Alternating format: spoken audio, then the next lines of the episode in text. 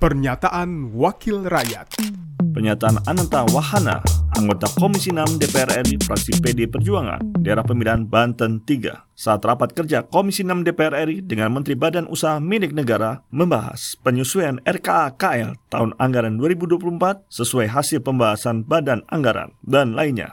Kamis 14 September 2023. Saya juga ingin menyoroti berkaitan dengan perhut, perhutani, tetapi kaitannya dengan eh, program Pak Presiden Pak Jokowi yang programnya ini cukup progresif pro rakyat. Ini kaitan dengan perhutanan sosial, Pak.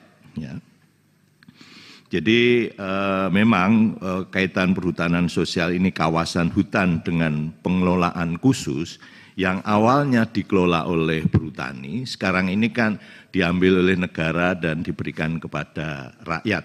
Ya, itu hutan-hutan produksi maupun hutan lindung. Nah, di daerah Banten, Pak, itu ada beberapa desa yang eh, apa masuk dalam wilayah tersebut.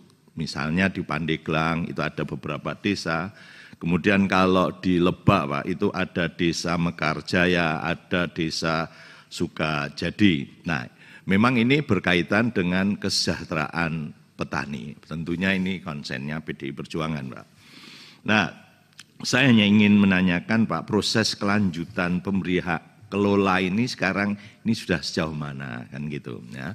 Karena di Banten ini eh, sekarang ini informasinya mandek kan gitu. Terus ada yang eh, sudah tetapi penataannya penataannya ini perlu keterlibatan Pak. Karena memang kayak di contoh di desa Sukajadi itu di sana justru sekarang berkembang isu pungli-pungli lah.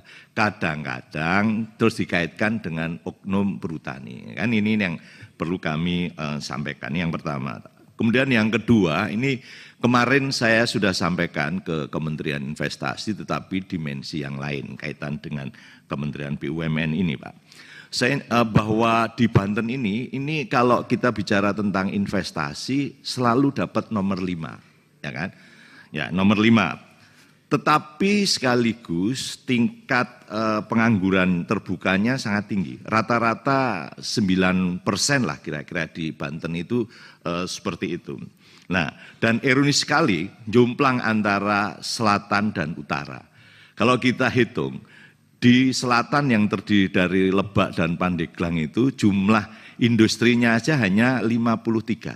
Sementara di Tangerang itu 2.800.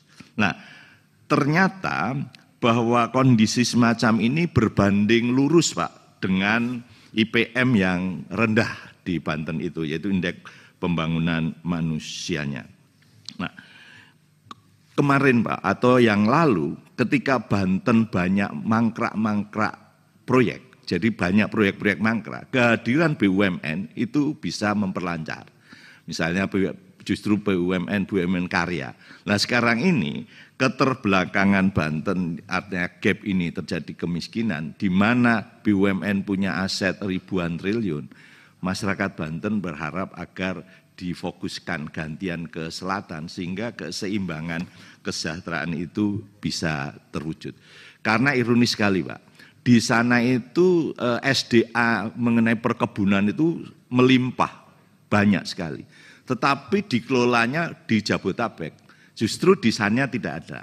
Kehadiran BUMN di tempat di sana saya pikir sangat membantu. Karena juga tawaran dari pejabat gubernur yang mengatakan hilirisasi untuk mengurangi pengangguran ini barangkali akan bisa mengobati masyarakat Banten.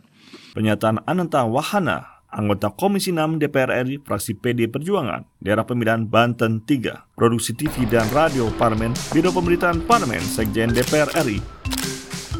Pernyataan Wakil Rakyat.